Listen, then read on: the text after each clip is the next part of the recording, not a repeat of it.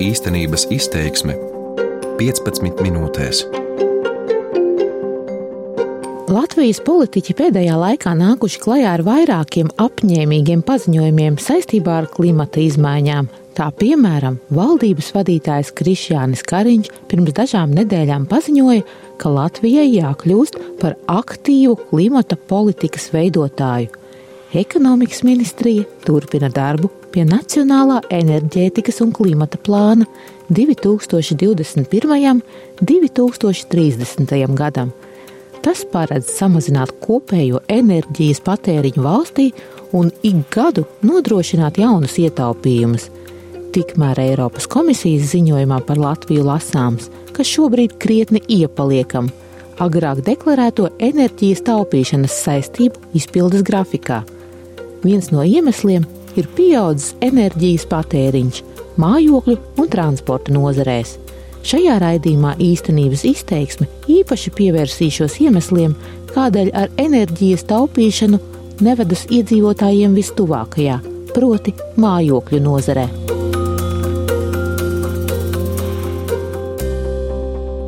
Lielāka enerģētiskā neatkarība, samazināta negatīvā ietekme uz apkārtējo vidi un galu galā ietaupījums katras mājsaimniecības budžetā. Visus šos mērķus var sasniegt, samazinot energoresursu patēriņu mājsaimniecībās, jeb palielinot energoefektivitāti. Šis ir komplekss skatāms jautājums. Kurš skar gan ēkas, gan transportu, gan ražošanas procesus, gan daudz dzīvokļu, gan privātu mājas. Saka par enerģētikas politiku atbildīgās ekonomikas ministrijas valsts sekretāra vietnieks Dzintars Kauliņš. Viņš ministrijā atbild tieši par enerģētikas jautājumiem. Vaicāts, kā nākas, ka Latvijā īsti nevedas ar enerģijas taupīšanu, viņš atbild, ka tam ir vairāki iemesli. Pirmkārt, taupīšanas mērķi bijuši visai ambiciozi. Otrakārt, apkopotie statistikas dati esot nepilnīgi. Ir gana daudzu dažādu valsts atbalstītu aktivitāšu, kuros energoefektivitāte tiek veicināta. Taču cilvēki viņu, viņu palaiž garām un neuzskata to par tādu būtisku aspektu. Rezultātā mums viens no izaicinājumiem ir ne tikai mērķa sasniegšana, bet arī nu, uzskaitīt pareizi visu to, ko mēs Tomēr te jāņem vērā, ka te jau vienīgā valsts atbalstītā programma, kas veicina enerģijas ietaupījumus tieši mājasaimniecībās, ir daudz dzīvokļu namu siltināšana. Eiropas komisijas ziņojumā par Latviju norādīts, ka visticamāk ar to būs par maz. Arī ekonomikas ministrijas amatpersona atzīst. Mēs viņu nevaram sasniegt vienīgi ar daudz dzīvokļu ēku siltināšanu. No Eiropas Savienības struktūra fondiem līdzfinansētās daudz dzīvokļu māju siltināšanas programmas tiek vērtētas neviennozīmīgi. No vienas puses pieprasījums gadu gaitā ir audzis, no otras arvien ir daudz skeptiķu, kas siltināšanu uzskata par lieku greznību. Jo iedzīvotāji lielākoties nu, uz, uztver joprojām to namu apsaimniekošanu kā nevis savu pašu pienākumu, bet vairāk kā valsts atbildības jomu. Novērojas enerģētikas eksperts Latvijas enerģētiķu un energobūvnieku asociācijas izpildu direktors Gunārs Valdmanis. Viņš uzskata, ka līdz šim Latvijā dominējusi burkāna pieeja, proti, kā galvenais veicinošais faktors kalpojusi un ar vien vēl kalpo iespēja saņemt Eiropas Savienības un valsts budžeta līdzfinansējumu namu atjaunošanai. Procedūra, lai šo līdzfinansējumu saņemtu, ir gana gara un sarežģīta, un tiem dzīvokļu īpašniekiem, kas kaut kādu iemeslu dēļ siltināšanu neatbalsta, ir viegli panākt savu. Nu, vismaz pagaidām esošajā likumdošanas ietvarā nav pietiekami daudz instrumentu, lai vispār šo procesu pavirzītu kaut kā aktīvāk. Viņa prāt, ilgi šāda situācija turpināties nevar. Galu galā padomju gados celtās un energo neefektīvās daudz dzīvokļu mājas ar katru gadu noveco, un kādā brīdī var kļūt bīstamas ne tikai to iemītniekiem, bet arī apkārtējiem ļaudīm. Valdmanis uzsver, ka likums jau tagad noteica, ka īpašnieki ir atbildīgi par sava īpašuma uzturēšanu pienācīgā kārtībā. Mēs ejam regulāri tehnisko apskatu mūsu automašīnām, Un mēs zinām, ka, ja automašīna nav tehniskā kārtībā, ja ir izmeši vai ir bīstams kaut kas, tad mēs vienkārši nesaņemam uzlīmi un nevaram piedalīties satiksmē. Turpinot šo analoģiju, viņš spriež. Ja automašīna ir piesārņojoša, ja tā izmet melnus dūmus, tad mēs eh, apliekam ar lielāku nodokli un liekam savest kārtībā, vai arī pretējā gadījumā ierobežojam tās iespējas piedalīties satiksmē. Izklausās diezgan radikāli. Izklausās diezgan radikāli, bet, eh, protams, ka, nu, es domāju, ka nekādu labāku citu risinājumu mums nebūs. Tomēr izrādās, ka situācija ar daudz dzīvokļu namu siltināšanu nav tik vienkārša. Tajā nevar vainot tikai un vienīgi iedzīvotāju pasivitāti vai aizspriedumus. Attīstības finanšu institūcijā Altum, kas atbild par pat labam noritošās energoefektivitātes programmas ieviešanu, lēš, ka jānosiltina būtu aptuveni 20 tūkstoši daudz dzīvokļu namu. Laikā, kad par siltināšanu vēl atbildēja Latvijas Investīciju un attīstības aģentūra, ir nosiltināti aptuveni 750 navi. Pat labi esošajā programmā, kas ilgs līdz 2022. gadam, siltināšanai atvēlēti 156 miljoni eiro. Toreiz tika lēsts, ka ar šo naudu pietiks 1030 namu siltināšanai. Tagad situācija ir mainījusies, stāsta Altuma energoefektivitātes kompetences centra vadītājs Mārtiņš Upītis. Programma kopumā paredz tuvu pie 700 mājas nosiltināt. Ja mēs minam, ka Latvijā ir 20 tūkstoši daudz dzīvokļu dzīvojamu māju, kurām būtu nepieciešama atjaunošana, tad ar šo finansējumu viennozīmīgi nepietiek. Tendence ir pamazām cenai ceļoties būvniecības sākotnējie mūsu plāni par tūkstotis mājām ir samazinājušies, tad, kā minēja, līdz 700 mājām. Līdz šim Altuma pāraudzītās programmas ietvaros jau nosiltināti 75 nami. Vēl 95 daudz dzīvokļu māju siltināšanu plānots pabeigt šā gada laikā. Siltināšanai pieteikti vēl vairāk nekā 500 namu. Runājot par siltināšanai atvēlētajiem līdzekļiem, upītis atzīst. Mēs varētu sasniegt rādītājus un sasniegsim ietaupījumu ziņā, kas ir paredzēta šo konkrēto programmu, kilovatstundu apjomā vai arī maisaimniecību skaitā. Bet uh, kopējos lielos rādītājus, ja mēs tā plaši runājam, tad uh, ar šo finansējumu ir pamāts. Iepriekšējās programmas laikā jau piedzīvota situācija, kad izsīkstot tās iedzīvināšanai paredzētajai naudai programmas īstenošana apstājās. Turklāt nevis uz vienu vai dažiem mēnešiem, bet uz veseliem trim gadiem.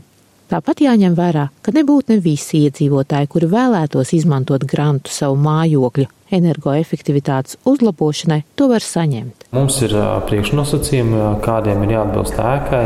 Mm, dzīvokļu gadam nav nozīmes, apkures siltumenerģijas šim avotam arī nav nozīmes. Tā var būt centralizēta, varbūt malkas apkura.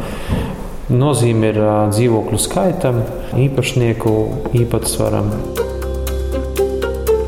Par enerģētikas politiku atbildīgās ekonomikas ministrijas valsts sekretāra vietnieks Cintars Kauliņš neslēpj, ka energoefektivitāte ir komplekss risināms jautājums, un valsts deklarēto enerģijas taupīšanas mērķu sasniegšanai būtu jāveicina arī privātās investīcijas. Tomēr uz jautājumu, kādi atbalsta instrumenti iedzīvotājiem ir pieejami to veicināšanai, sekot dziļdomīga pauze.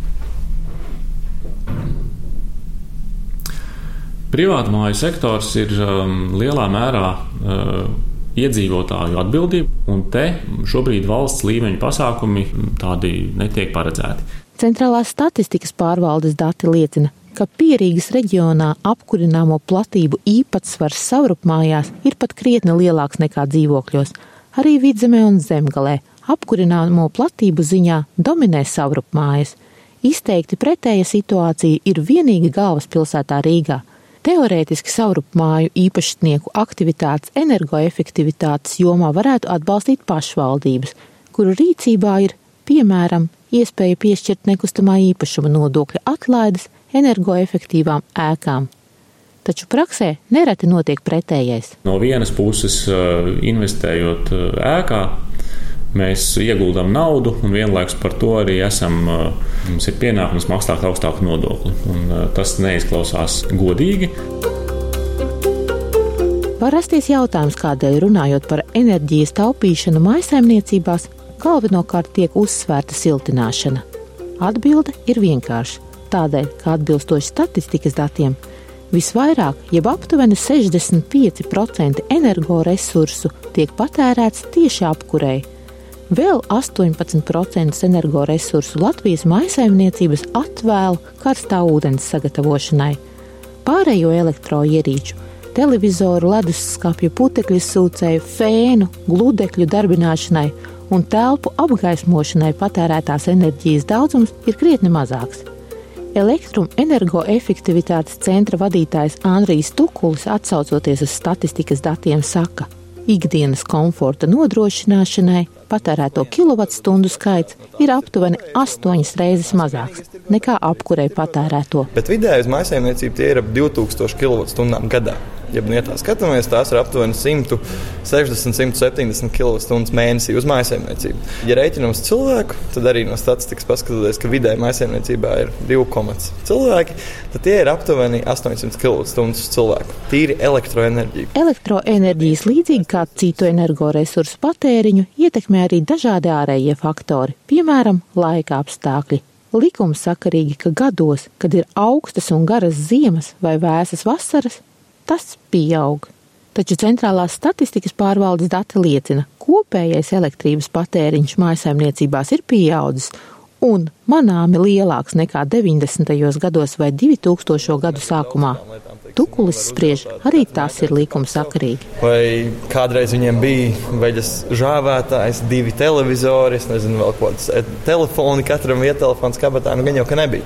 Tāpēc arī, nu, vai teikt, ka mēs pirms gadiem 50 bijām energoefektīvāki nekā šobrīd, ja patēriņš, teiksim, nu, bija mazāks, tad, teiksim, 100 kWh mēnesī, nu, tas īsti nebūtu pareizi. Tomēr energoefektivitātes centra speciālistu pieredze liecina, ka elektrību ar vienu bieži izšķiežam nelietderīgi un, protams, par patērēto maksājam no saviem maciņiem. Kad, piemēram, mājas kinozāle, kas ieslēgtā veidā, nu, skaļi klausoties mūziku, patērē 150 vatus, tātad katru stundu 150 vatu, izslēgtā veidā 70, tātad pusi. Un, kad parunāju ar šo nu, kinozāles īpašnieku, viņš teica, nu tā sestdienās, ka tīra mājas pāris stundām. Un tad, ja saliek to grafikos, tad sanāk, ka tas patēriņš, kad liederīgi izmanto, ir mazāk kā 10% no tā, kas vienkārši aiziet. Dēļ tā, ka nezinu, ka viņa patērē. Viņš nosauc vēl dažus gana izplatītus veidus, kā energoresursi tiek izšķiesti gluži nevajadzīgi. Piemēram, vārot ūdeni kafijai vai tējai, bieži vien vārām nevis dzēriena pagatavošanai nepieciešamo ūdens daudzumu, bet pielējam teikānu līdz augšai. Katrā ziņā iespējas ietaupīt elektroenerģiju un attiecīgi arī naudu bieži vien varot atrast pat neizejot no mājām. Tad, principā, ja jums ir viedais skaitītājs un jūs varat redzēt x stundas datus, jūs jau varat izsacināt, nu, kāpēc teiksim, brīdī, kad jūs neesat mājās, neviena nav mājās, kāpēc tas patēriņš teiksim, ir gan arī tikpat liels, kā jūs esat mājās. Nu, tad jau var sākt meklēt. Droši ticamu prognožu par to, vai un cik liels atbalsts pēc 2022. gada būs pieejams energoefektivitātes pasākumiem mājokļu sektorā, šobrīd nav. Eiropas komisijas ierēģi gan energoefektivitātes veicināšana privātajā sektorā nosauc pie nākamā Eiropas naudas plānošanas perioda prioritātēm, taču Latvijas iestādēs spriež, ka gan jau nauda šim mērķim tiks atvēlēta, taču iespējams vairs netik dāsni kā līdz šim. Arī par tapšanas stadijā esošajā Nacionālajā enerģētikas un klimata plānā pieminēto atbalstu energoefektivitātes pasākumiem privātmājās īstas skaidrības nav. Tāpēc uz valsts atbalsta programmām paļauties īsti nevaram, un savam maciņam un vidē draudzīgākos risinājumus drošāk ar vienu ir meklēt pašu spēkiem. Raidījumu veidoja Madara Friedrichsone, skaņu montēja Renārs Šteimanis īstenības izteiksme 15 minūtēs.